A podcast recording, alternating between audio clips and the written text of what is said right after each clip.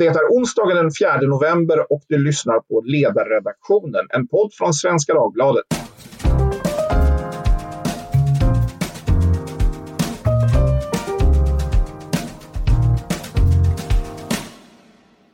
Jag heter Fredrik Johansson och idag kommer vi att prata om det amerikanska presidentvalet.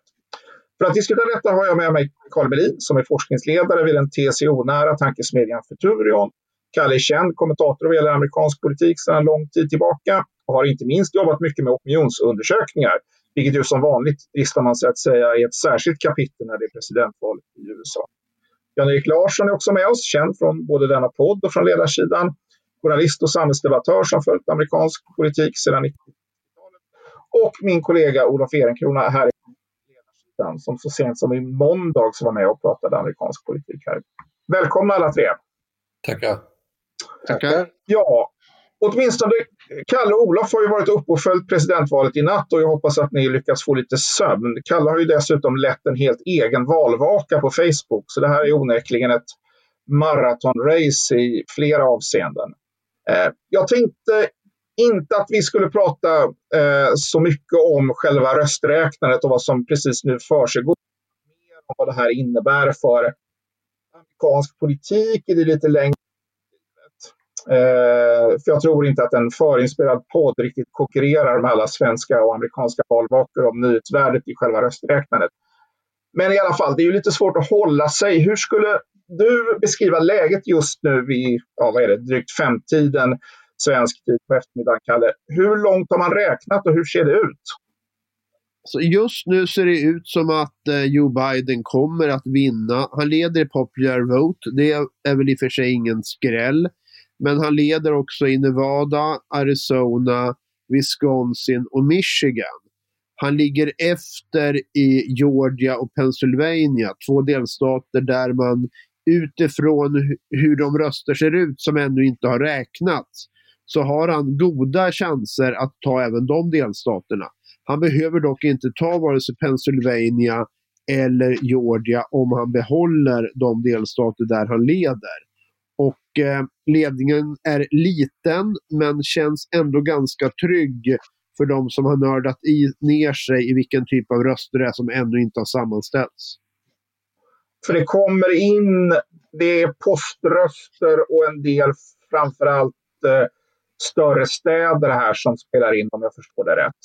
Ja, det är poströster som är sena eh, och i eh, Michigan är det till exempel Detroit, i Georgia är det Atlanta och i eh, Pennsylvania är det både Philly och Pittsburgh. Alltså, det tar, precis som i Sverige så tar det lite längre tid att räkna storstadsröster. Plus att vi vet att Demokraterna har i mycket hög utsträckning poströstat och förtidsröstat på annat sätt. Och en del av de rösterna kommer in sent. Just det.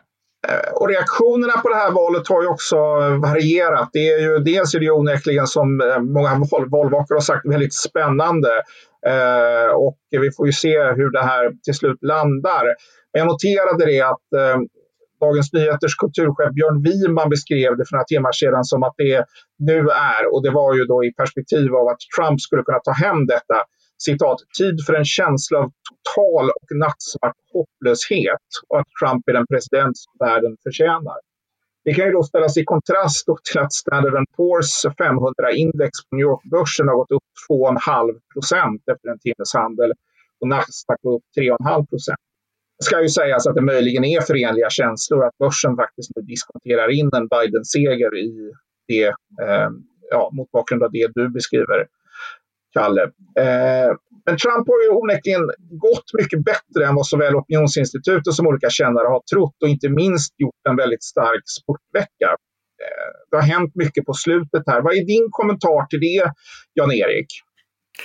Ja, jag, jag, tycker det är ganska sensationellt. Eh, jag, menar, det, jag hade inte väntat mig att alla dessa möten som han jagat runt skulle ge ett sånt eh, en sån eh, effekt. Så att jag, jag, tror att vi har att göra med ett fenomen som, som, som jag skulle kalla den, den, de dolda Trump Trump-röstarna, alltså de Trump-röstare som nu röstar Trump men som aldrig berättat om detta för opinionsundersökare och som egentligen inte gillar Trumps person, hans sätt att att föra sig och så vidare, men som ändå ser att han är en eh, garant för eh, lag och ordning. Jag menar, alla polisorganisationer som jag har sett i USA som har uttalat sig ger Trump sitt stöd och eh, hela det, det mycket våldsamma sommar som vi fick uppleva med, med, med mycket bränder och, och av butiker och, och, så vidare och ja, våld av alla slag. Att det har skrämt upp, eh, skrämt upp och, och säkerställt en, en, eh, ett, ett säkerställt Trump, Trump-röst. Och det finns ju finns en rad andra element i, i den mera vänsterradikala delen av, av Demokratpartiets eh, medlemmar och anhängare som jag tror skrämmer bort, eh, skrämmer bort eh, väljare som, som därför tyst men säkert röstar, röstar, eh, röstade Trump i, igår. Men man, tittar man på kartan så, så ser man ju det här det, det röda USA som är ju ändå ganska, det är ju ändå ganska många delstater som, som har har republikansk majoritet. Och, ja, onekligen. Om jag bollar över den frågan till dig Olof med då följd, följdfrågan. Eh, är det Trump som har spurtat och i vilken utsträckning är det lite grann mot bakgrund av det som Jan-Erik säger, i vilken utsträckning är det Biden som har släpat efter och har gjort en mer medioker valrörelse eller valspurt? Jag tror att det är en kombination. Eh, jag är inte så överraskad över att resultatet blev det här. För att vi har ju sett i många andra tillfällen att den partiledare som kampanjar bäst sista veckan får ofta en ganska stor utdelning på det. Palme tycker jag var ett utomordentligt exempel på det under 70-talet. Eh, och eh, Trump har visat sig att det lönar sig att ha valmöten med entusiastiska anhängare som, som, som tjoar och kimmar. Medan Biden var ju, gjorde ju en väldigt blek figur under det sista, ja, nästan under hela valrörelsen egentligen. Eh, han, hoppades, han litade ju på att Demokraternas aversion mot Trump skulle vara så stark så, så att de ändå mobiliserade. Och, och det har han väl i och för sig inte haft fel i. Det han har missat har ju varit att han, Demokraterna inte lyckats demobilisera Trump-anhängarna. Utan de har, de har kört på och, och, och hyllar sin ledare och tycker han är jättebra. Eh, men det var ju typiskt, ett svar i CNNs eftervalsundersökning var ju att de republikanska väljarna förklarade att de röstade på programmet och inte på karaktären. Medan eh, en, nästan en tredjedel av Biden-anhängarna röstade på Biden därför att de var emot Trump. Och det illustrerar lite hur klyftan har varit tycker jag i den här, den här kampen. Vad är din kommentar till det här, Kalle? Och det är svårt att eh, frånhålla sig för att ställa frågan kring hur väl eller hur illa som opinionsundersökningarna eh, eller opinionsinstituten har fångat detta. Men dels hur mycket, hur mycket Trump-spurt och hur mycket, eh, hur mycket Biden-svacka förklarar så att säga, det här på slutet. Och hur, hur, vad är vad är domen över de amerikanska opinionsinstituten den här gången? Ja, först så verkar det som att Trump har gjort en bra spurt. Eh, när det gäller mobilisering så är det väl dock så att båda verkar ju ha mobiliserat tämligen väl eftersom eh, valdeltagandet ser ut att bli det högsta på kanske hundra år. Alltså båda partierna har lyckats få ut sina väljare. Eh, och eh, det pratades ju väldigt mycket om Demokraterna och hur bra de skulle mobilisera. Men uppenbarligen har ju även eh, Trump och Republikanerna lyckats mobilisera.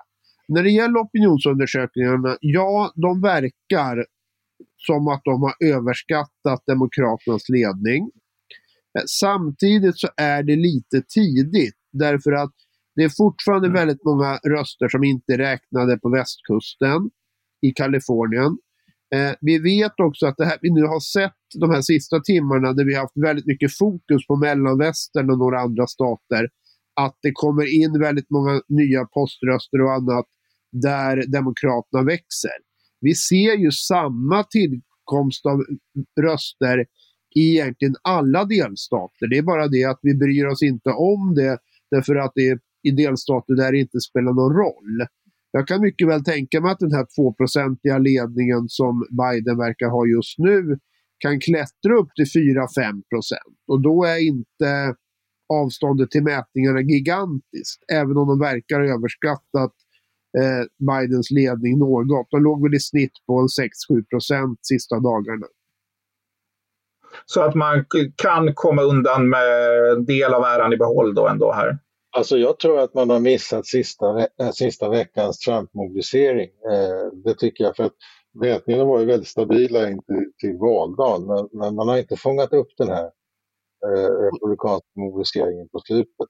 Men annars delar jag Kalles uppfattning att mätningarna verkar ju ha varit ganska korrekta i förhållande till de tidiga rösterna och, och, och, och ja, absentees och poströster och så. Vad, vad vet vi om, eh, eh, vad vet vi om demografin? I, vad säger exit polls? Och så här, vad, vilka grupper har respektive kandidat gått fram i och tappat i? Exempel, om vi börjar med, börjar med Trump, alltså, hur ser hans väljardemografi ut som, som, utifrån det vi vet nu? Har du någon koll på det, Kalle? Ja, jag har inte hunnit liksom detaljnörda eh, det, för det kom ju liksom igår medan jag satt i sändning. Men det verkar som att Trump går betydligt bättre bland spansktalande än vad han gjorde 2016. Eh, framförallt verkar det vara den stora förklaringen till varför han går mycket bättre i Miami-Dade till exempel, mm. i Florida. Än, alltså han får mycket bättre nu än vad han fick för fyra år sedan. En del spekulerar ju att de här, det är ju framförallt sådana som själva eller vars föräldrar eller farföräldrar flydde från Castro att eh, allting som liksom luktar socialism eh, gör att man liksom drar sig för detta. Och det är ett ord som inte minst genom millennials och genom Ocasio Cortez och andra börjar användas av en del inom Demokraterna. Så han verkar ha gått bättre bland eh, spansktalande, eh, framförallt då Kuba, kubaner då, som är en stor grupp i Florida. Däremot verkar han gå något sämre bland de allra äldsta. Eh, och det kan ju vara... Pandemirelaterat då? Ja, pandemirelaterat och möjligen också det här med att han har liksom försökt förlöjliga Bidens ålder och att han skulle vara senildement ja. mer eller mindre. Jag såg, jag såg jag, jag, det flög förbi någonting om att, om att han, han tappar bland vita män men verkar liksom gå fram med ganska mycket andra grupper. Är det, är det en korrekt bild av det här? Ja, och där, har där måste jag titta lite närmare därför att jag har ju haft min, min största kritik mot, mot Trumps kampanj eh, in, ja, utifrån liksom någon slags kom, professionell bedömning är att han väldigt mycket bara pratar till den egna basen. Alltså han har ett mm. budskap som älskas av de egna anhängarna men inte övertygar särskilt många osäkra mittenväljare. Men det verkar faktiskt som att den väljarkoalition han har är, li det är lite mer mångfald nu än för fyra år sedan. Eh, då det var väldigt mycket. Å andra sidan verkar ju Biden ha gjort ett ganska bra val i den övre mellanvästern. Så om det där mm. beror på att Biden har lockat tillbaks vit arbetarklass i Wisconsin, Michigan, Pennsylvania eh, eller om det liksom beror på att Trump har lyckats vinna nya väljare eh, som, som, som då i hög utsträckning ser ut som Amerika och inte bara vita arbetarmän. Eh, det vet vi inte riktigt än. Det, det är väl sånt jag får grotta i. Ja, vi ser fram emot detta. Jan-Erik, har du någon kommentar till detta? Är liksom en känsla av, eller en bild av att Trump ändå breddar sin koalition här? Ja, jag, jag, jag, tror absolut att det, att det är så. Jag tror, tror alltså att det handlar inte om en koalition som nödvändigtvis gillar Trump eller som, som ser hans politik i några detaljer, typ eh, handelspolitik och så vidare, utan snarare om, om en känsla av att, eh, att han ändå står för stabilitet. Jag menar, mycket av hans twittrande handlar ju om, om den oro och osäkerhet som skulle drabba vanliga amerikaner om Biden blir president. Så att jag tror att det, det jag tror inte man ska tillskriva Trump och, och hans valmöten är säkert, har säkert varit bra för, som mobilisering men, men jag tror att, att när, man, när man med tiden, Kalle och andra som sysslar med sådant, tittar ner på, på undersökningarna, valundersökningarna så kommer man nog finna att, att det är helt andra faktorer som inte självklart är så, så kopplade till, till eh, Trumps retorik eller till hans merkantilism och så vidare, utan som handlar om om, Men du menar, du menar alltså att det finns, finns väljargrupper, en, en, en, del av hans väljargrupper röstar på honom för att han är ett, ett tryggt alternativ. Ja. Det är ju extremt kontraintuitivt givet så att den debatt vi har framförallt i, i vår del av världen kring ja. honom som president. Jag, jag, jag, tror att, att, att, att många amerikaner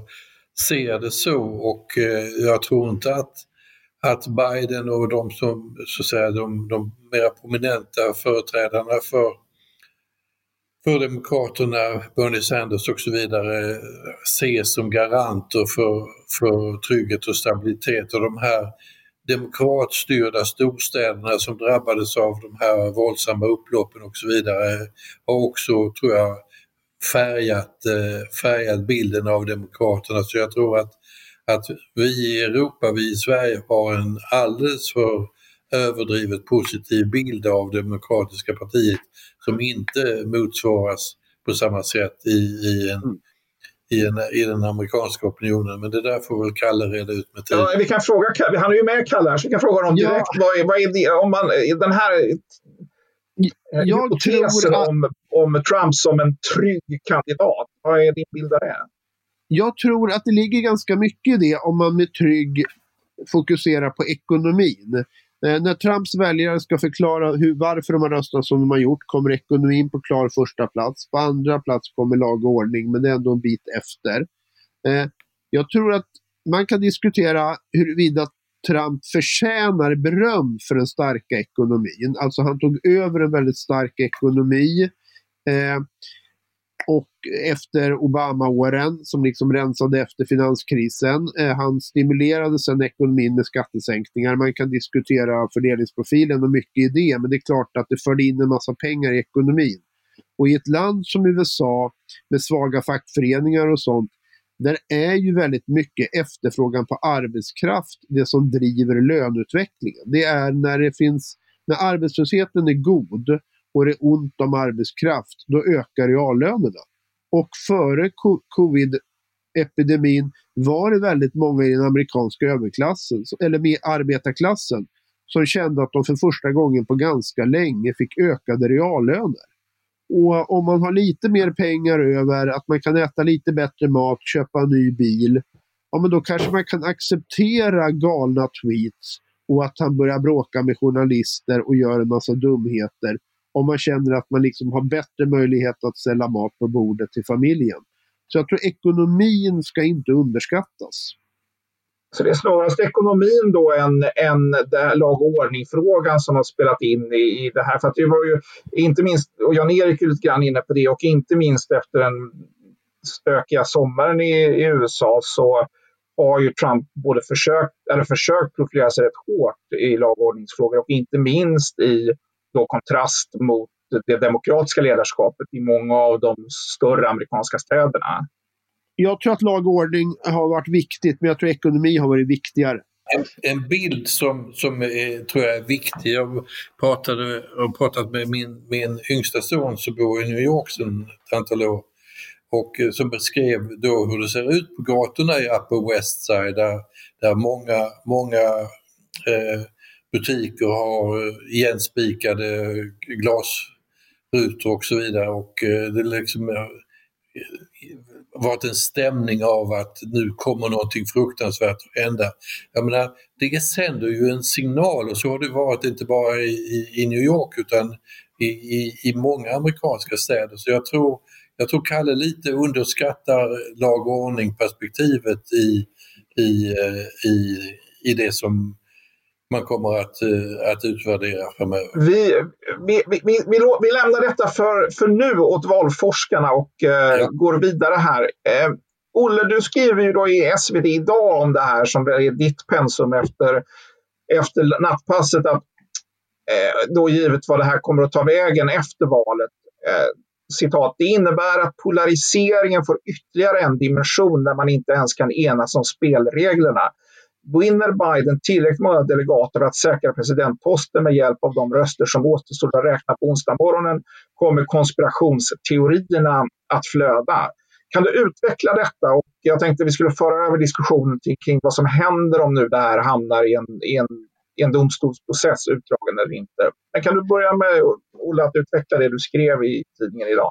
Ja, det finns ju en, en, en gullig Eh, del av den amerikanska nationalkaraktären som handlar om att alla hyllar sin konstitution och alla hyllar demokratin och alla hyllar principen om en man, en röst. Eh, och alla röster ska räknas och alla ska bidra och så. Och den här deltagartraditionen som har funnits på, på båda sidor, eh, den, och tilltron till den undergräver ju Trump kraftigt och har gjort det länge och undergräver legitimiteten i systemet. Eh, och det uppfattar jag som en, ett, ett sätt att öka polariseringen eh, och framförallt att flytta polariseringen till en ny domän. Eh, och, och, det tror jag är väldigt skadligt för det är en attack mot den amerikanska självkänslan som, som, eh, som han gör.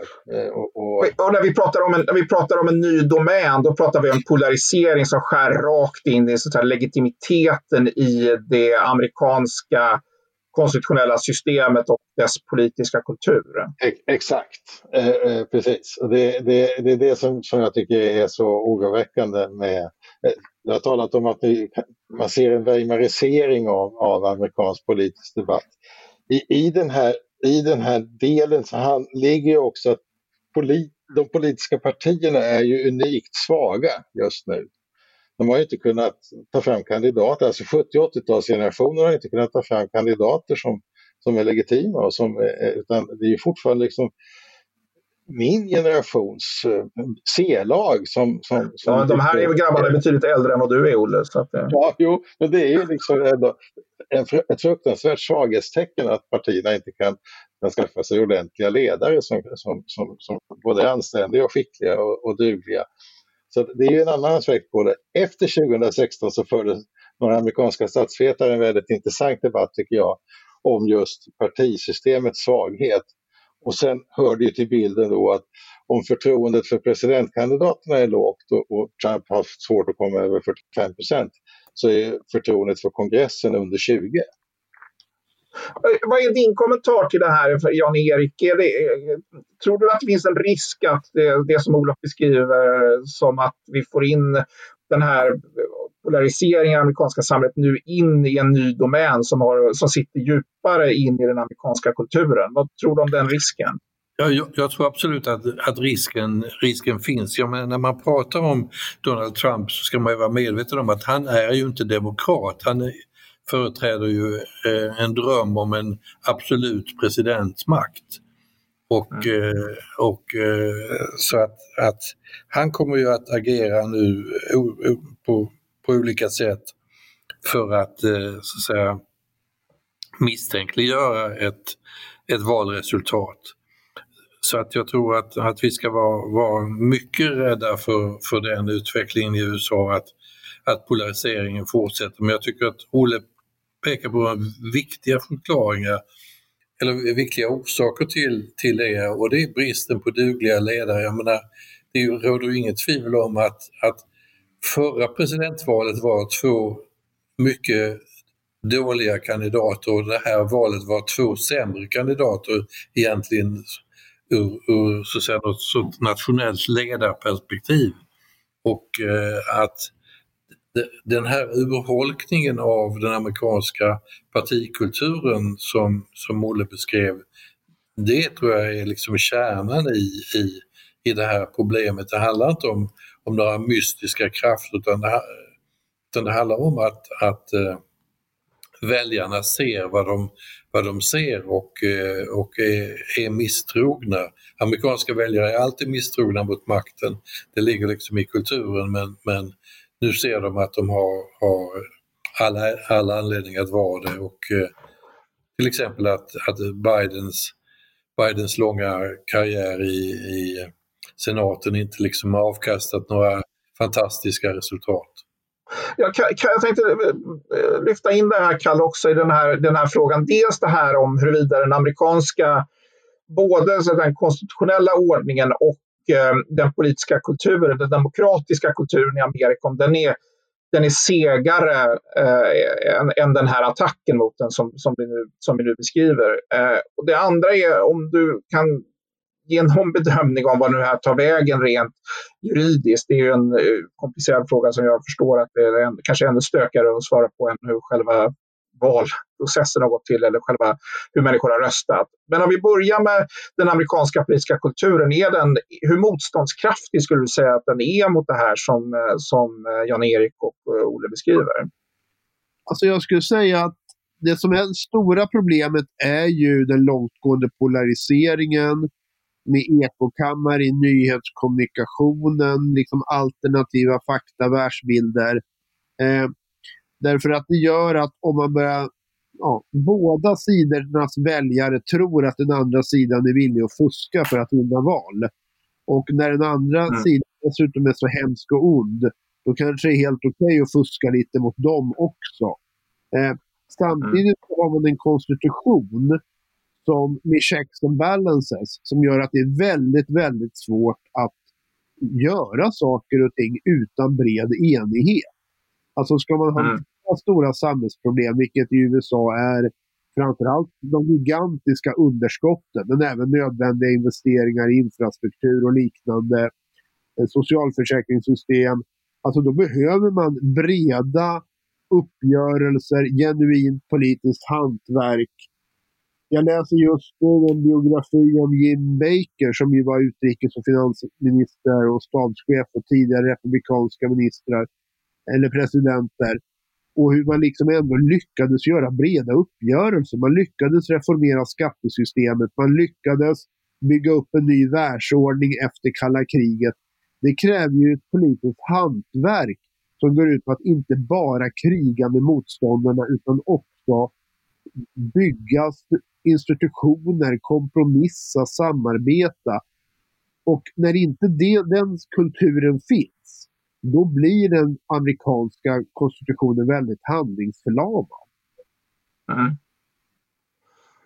Precis. Och det, och det är exakt så att det eh, och eftersom ingen av de här kandidaterna nödvändigtvis har som främsta egenskap att kunna le leverera politiskt hantverk och det gäller ju också Biden, alltså det, trots en mycket, mycket lång eh, senatorskarriär så är ju åtminstone min bild är att han har inte så oerhört mycket att visa upp som politiska framgångar under den här, under den här perioden. Om vi tar den här frågan, jag, jag, jag kräver inte att du har ett svar på det, men den här juridiska processen kring, kring valutgången, vad, har du någon bedömning av hur den kan ta vägen och hur utdragen den blir eh, och så vidare? Alltså det finns dels det kortsiktiga. Jag tror inte att Högsta domstolen kommer att offra sin trovärdighet för att liksom fatta konstiga beslut för att rädda Donald Trump. Eh, jag, det, kan hand, det, det intressanta är ju egentligen om det kommer in väldigt försenade poströster i Pennsylvania. Nu är det inte ens säkert att Pennsylvania blir avgörande på samma sätt som Florida 2000. Eh, det finns en större institutionell fråga där en del i högsta av de konservativa menar att det bara är delstatsförsamlingen. Det står the legislature i författningen. Och det skulle kunna ändra väldigt mycket av vallagen, att det bara är de som fattar beslut om vallagen. Men det är mer en långtgående, det är mer en diskussion som kan ha betydelse på längre sikt. Jag tror inte att det blir domstolarna som kommer att avgöra detta. Eh, vilket vi ska vara väldigt glada för. Däremot tror jag ändå att Trump i sin retorik kommer att hävda att det här är en kupp och en stöld. Men det handlar mer om hans eftermäle. Han kommer aldrig att erkänna att han har förlorat ett val. Han har alltid varit en stor offerkofta när det gäller att beskriva För en man som vill vara så väldigt mycket alfahanne så är han väldigt bra på att hela tiden gnälla och tala om hur andra är mot honom. Han kommer att vara en riktigt dålig förlorare.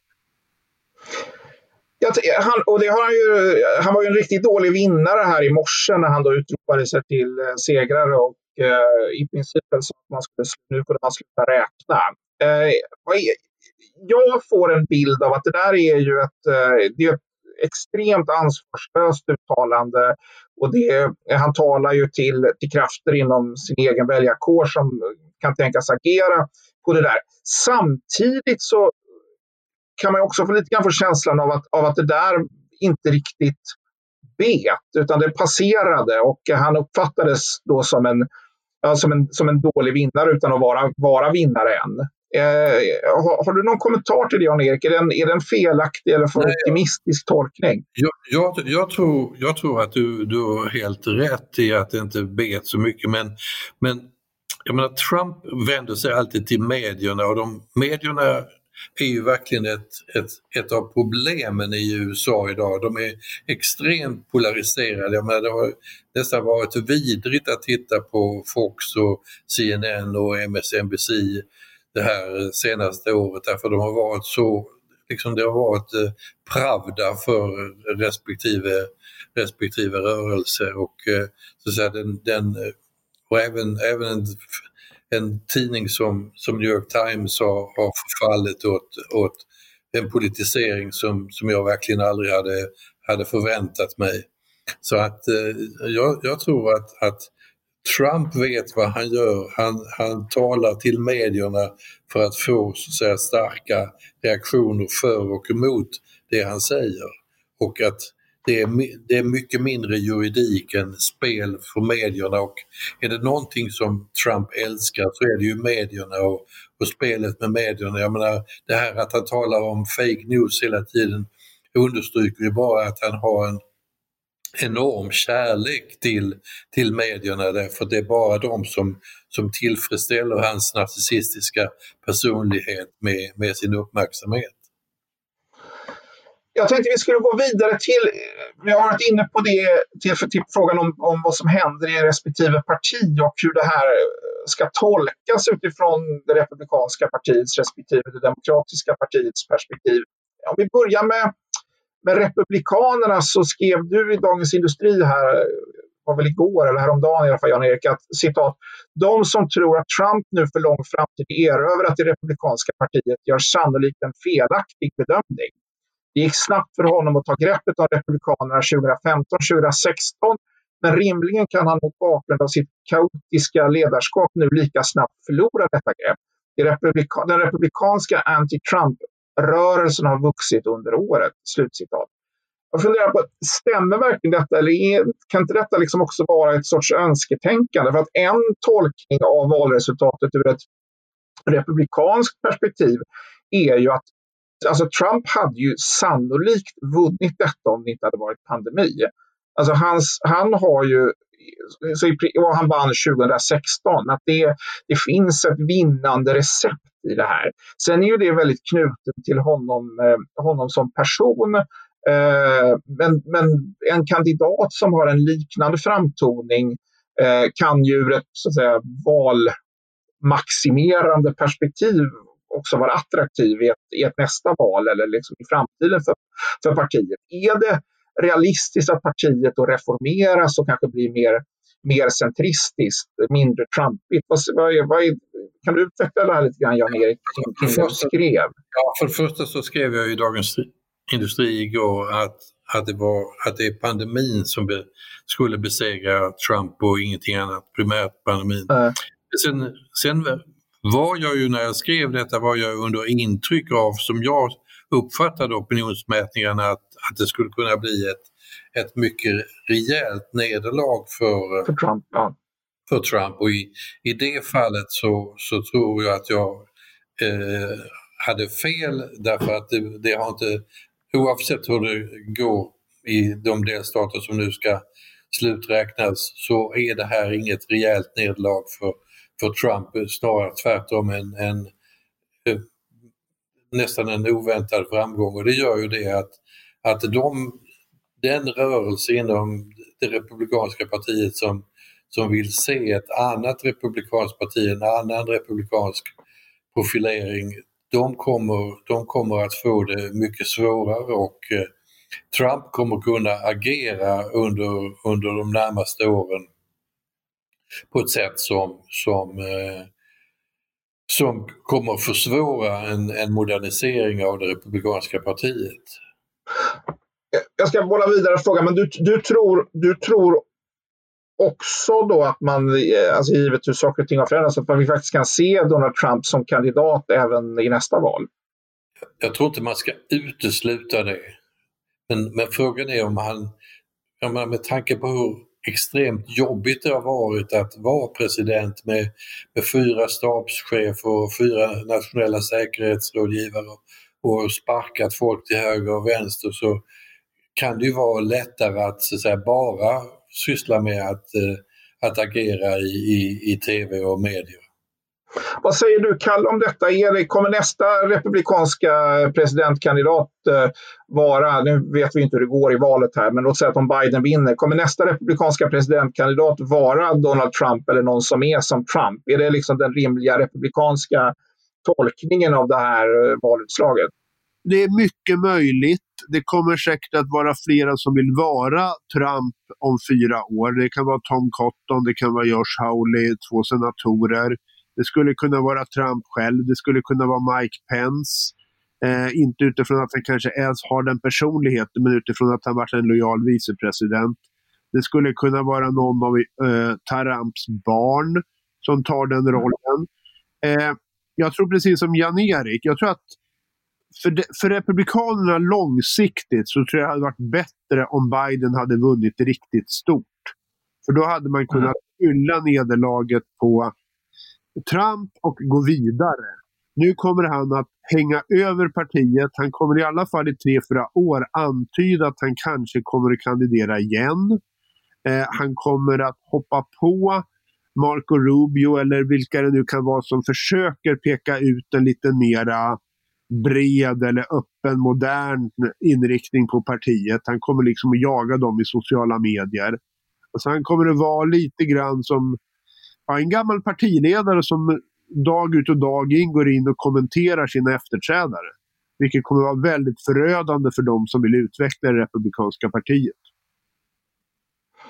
Olle, vad är din bild av det här? Kommer, är, är trumpifieringen av det republikanska partiet eh, dess öde nu under överskådlig framtid? Eller liksom, tror du att man kan se en, en reformering av, av, av, eh, av det republikanska partiet så att det kanske blir mer centristiskt eller mer, som jag beskriver, mer modernt? Det som är typiskt för de amerikanska partierna är ju att de är så ledarfokuserade och eh, det är ju rörelser som uppstår i valtider. Och eh, de som då deltar som aktivister på olika sätt, de, de eh, drar ju iväg då när valresultatet föreligger och, och sen så gör de andra saker så att säga, går tillbaka till, till universitet eller akademi eller vad det kan vara. Så att det, jag är, är, osäker på om inte den amerikanska och faktiskt anglosaxiska amerikanska traditionen att har man förlorat ett val så kommer man inte igen. Undrar om inte den är tillräckligt stark ändå för att hindra Trump, i synnerhet som han är ute purung nu och kommer inte vara purung om fyra år heller. Så att, eh, jag tror att eh, det viktiga för Republikanerna är att få överhuvudtaget, det gäller hela det västerländska politiska livet, att få 70-talisterna och 80-talisterna att ta ansvar. Eh, jag, jag, tycker att det är, det är, ett sånt oerhört fattigdomsbevis när jag ser då folk som är äldre än jag som ska leda världen. Det, det, är, eh, det är helt, helt absurt egentligen.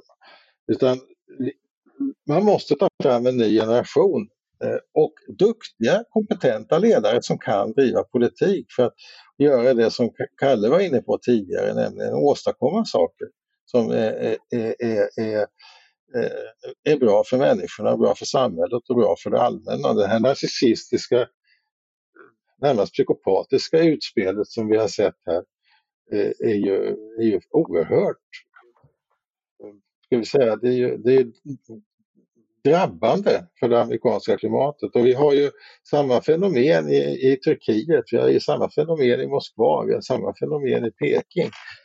Eh, det här är ju, ja, det är ju en, på sitt sätt är det ju en, en personuppsättning som vi i fråga om sin, både sin makt och sin, sin eh, förmåga att missbruka makten för tankarna hundra år tillbaka i tiden. Alltså till, mm. Men om man, om man ser till, eh, mer, mer till, tillbaka till det republikanska partiet, för det bekymret här är ju, är ju, du har ju rätt i det, att det är klart att det finns en, en anglosaxisk tradition att den som åker på rejält med stryk har svårt att, eh, att ta, sig, ta sig tillbaka. Men Trump kommer ju inte erkänna sig besegrad. Han kommer ju ifrågasätta om han överhuvudtaget har förlorat det här valet. Så att han, han, för det, specifikt Donald Trump skulle skadas otroligt mycket av att vara en förlorare eftersom han, eh, det är ju ingenting som skulle vara mer förödande för hans image. Så därför kommer han ju aldrig erkänna det och han kommer, eh, han kommer därmed också ifrågasätta valre, valresultatet. Och eh, tror jag, i, i och med det också försvåra en reformering av det, det republikanska eh, partiet. Eh, om vi går över till Demokraterna då, vad händer på den sidan? Ja, en rimlig tolkning av det här valresultatet är ju spegelbilden av det här. Det är ju att man, om man då vinner, att man vinner delvis på ren tur, cyniskt uttryckt. Alltså den här pandemin har spelat en, eh, antagligen spelat en avgörande roll för valresultatet. Eh, och man har haft en kandidat som har varit eh, ja, det är ju jag vet, det är svårt att hitta rätt ord för att beskriva eh, Joe Biden, men han, han, är, inte, han är inte en superimponerande politisk eh, ledare i alla delar.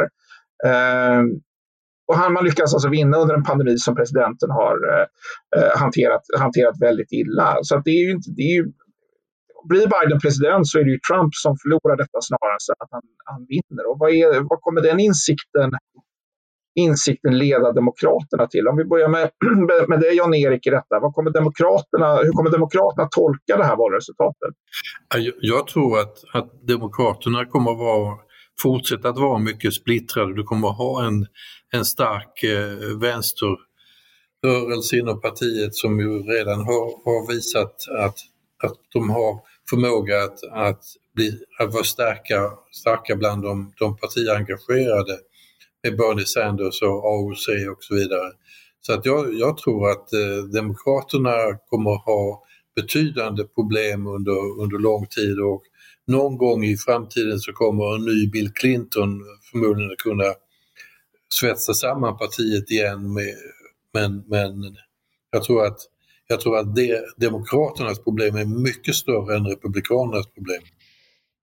Vad säger du om det, det Kalle? Ja, det är intressant att säga, kanske få ett tips på vem som är den nya Bill Clinton här som kommer ur de djupa guvernörsleden. Men eh, det här med den rätt extrema vänsterflygen inom det demokratiska partiet som, eh, som alldeles uppenbart skrämmer bort många, eh, många centerväljare. Eh, I vilken utsträckning har det spelat roll att Biden inte riktigt har kunnat ta ett rejält avstånd mot den delen av partiet. Och hur, hur, hur borde partiet, eller hur kan partiet hantera den här, den här eh, allt från Bernie Sanders eh, och med flera eh, vänster, vänsterflygen i partiet? Tror, vad säger du om det, Kalle? Ja, det, jag tror inte att det finns något jätteenkelt svar. Jag tror att eh, för Biden var det väldigt viktigt att mobilisera, att hålla ihop partiet. Eh, många menar ju att ett skäl till att Hillary Clinton inte vann var ju att många som hade stött Bernie Sanders i primärvalen inte gick och röstade eller till och med röstade på Trump. Så jag tror att eh, för Biden var det viktigt att ena partiet. Sen tror jag han hade en personlighet som gjorde det lättare än vad det var för Hillary Clinton. Därför att alltså Joe Biden har en del svagheter som vi har nämnt. Han är dock väldigt mycket mer likable som person, mm. vare sig Hillary mm. eller Trump. Eh, sen kan man ju säga att en, en styrka som Demokraterna har är ju att man är ett mycket bredare parti än vad Republikanerna är. Eh, man har ju fortfarande så att moderates, alltså mer mittenorienterade, kan vinna primärval och liknande. Eh, Republikanerna är ett mycket mer homogent parti, alltså både etniskt och ideologiskt. Eh, men problemet för Demokraterna är att de måste ge någonting till sina mer radikala. Alltså om man tittar på det republikanska partiet, ja, man, där har man liksom på något sätt låtit de, evangel, de kristna evangelikerna, de har liksom fått domarna och då, då vet de att de får sitt. Då kan de acceptera det mesta andra. Så Det är svårare i och med att det är ett mer homogent parti med en massa olika uppfattningar. Eh, jag tror också vi kommer att se en intern tuppfäktning därför att Bernie Sanders är ju inte heller purung. Och eh, det kommer nog att bli en fight mellan Ocasio Cortez och ett antal andra om vem som ska liksom bli ledaren för partiets mera liberala vinge. Framförallt tror jag att man kommer att fundera på om nu Biden bara sitter fyra år, kommer det att bli en vinst. Då blir ju förmod om, om vi nu utgår från att Biden vinner, eh, då kommer det vara mycket spekulationer. Kommer han att sitta i bara en period? I så fall blir Kamala mm. Harris favoriten. Men det troliga är att hon kommer att utmanas från vänster av någon i primärvalen. Jag har svårt att tro att någon skulle utmana henne från höger. Det, så funkar det inte riktigt. Men går, går, går vänstern i partiet försvagad eller stärkta ur en Biden-seger här? Jag tror att så här, jag, jag, om jag vore demokrat, då skulle jag, oavsett om jag var höger eller vänster eller mitten i partiet, jag skulle sätta mig ner och fundera. Nu har vi en totalt misslyckad president som har misslyckats hantera covid. Han är dessutom allmänt osympatisk. Alla välutbildade kvinnor tycker illa om honom och så vidare. Ändå klarar vi inte av att mer än vinna en relativt knapp seger och vi klarar inte av att ta senaten. Vad är det som folk ogillar? Och där kommer väl folk i partiet utifrån lite grann sina ideologiska positioner att hitta. Och då kommer de som är mer vänster och säga att ja, men då måste vi bli ett mer radikalt parti. Vi måste visa att vi står för något annat ideologiskt. Och andra kommer att säga nej, val vinns i mitten. Vi måste vara mittenorienterade. Och det är en ganska traditionell konflikt i partier, framförallt vänster-mittenpartier. Eh, och det där kan nog vara ett antal år. Sen kommer det vara lite lugnare när man har presidentposten därför att då blir det ändå liksom presidenten bestämmer vad är partiets linje. Nu kommer Biden inte ha samma möjlighet att disciplinera partiet därför att eh, Trump kunde i princip mobba ut både senatorer och andra eh, i sitt parti och de har ju varit väldigt hunsade, alltså på ett ganska obehagligt sätt ibland. Jag tror inte Biden på samma sätt kommer att kontrollera sitt parti.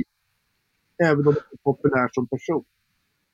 Nej, men det, här, det här är, det är intressant, för att, vad du säger, du har ändå hopp om en ganska rationell eftervalsprocess i det demokratiska partiet.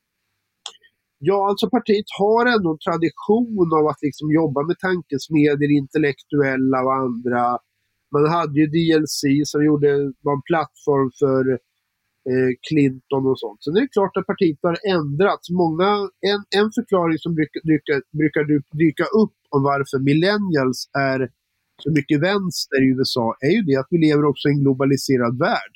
Många unga amerikaner tittar på Europa och konstaterar att jaha, där behöver man liksom inte belåna hela sitt liv för att ha sjukvård eller en högskoleutbildning eller något. Och väldigt mycket av det som kanske historiskt klassades som socialism är ganska mycket mainstream-åsikter bland yngre amerikaner.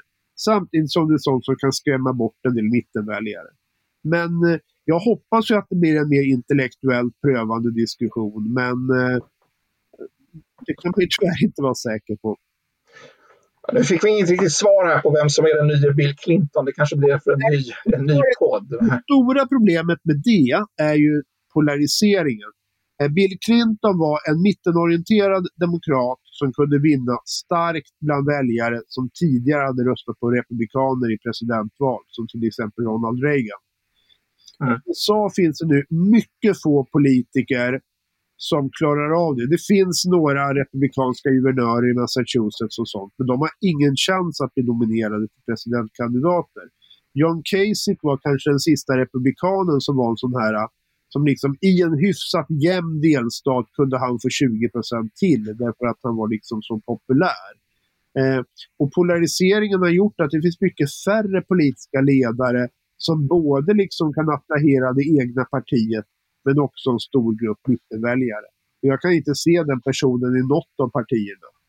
Nu pratar vi om då en möjlig så att säga, rationell process i det demokratiska partiet. Eh, Eh, ser du en möjlighet att man kan få en, en likartad, mer så att säga, ordnad, rationell eftervalsprocess i det republikanska partiet? Jag, jag tycker man måste inte bortse från att även Demokraterna är ju en del av en internationell trend. Eh, och, och, den trenden i Europa är ju att eh, folk söker sig inte till vänsterlösningar på strukturproblem. Utan tittar vi på europeisk socialdemokrati så är ju den i sin värsta kris under hela efterkrigstiden. Eh, och det är ju, det är ju ett problem som även, även drabbar de demokratiska, det demokratiska partiet i USA. Alltså det, det finns inte någon ordentlig föreställning om ett, ett, ett vänsterprojekt som skulle kunna hantera strukturproblemen. Och det var ju typiskt för Clinton att han vann ju genom att triangulera Republikanerna. Han övertog en stor del av deras politik, och bland annat underskottsbekämpningen. Eh, så att, eh, om man ska gå tillbaka till en, en, en, demokratisk ledare som har haft en vision och en föreställning så var det ju, det var ju Kennedy. Liksom, eh, som hade någonting som, som appellerade till, till en ung generation. Och sen kom Johnson med, med The Great Society eh, som ju också fungerade i, för, för den breda demokratiska väljarbasen. Men, men det här är liksom ett passerat stadium nu. Man måste hitta någonting som passar i den globaliserade och den digitaliserade världen med alla de strukturomvandlingskonsekvenser som det för med sig. Och där har ju Trump svar varit att eh, stoppa världen, jag vill hoppa av och stänga in USA. Eh, det är ju ingen lösning. Eh, och, och, och, det ser vi också. Och Demokraterna måste då hitta ett demokratiskt koncept som hanterar den här, de här konsekvenserna av globaliseringen. Eh, Biden klarade sig förvånansvärt väl i Ohio så länge man räknade de tidiga rösterna men, men, men det blev ju ändå till slut Trump som tog hem delstaten.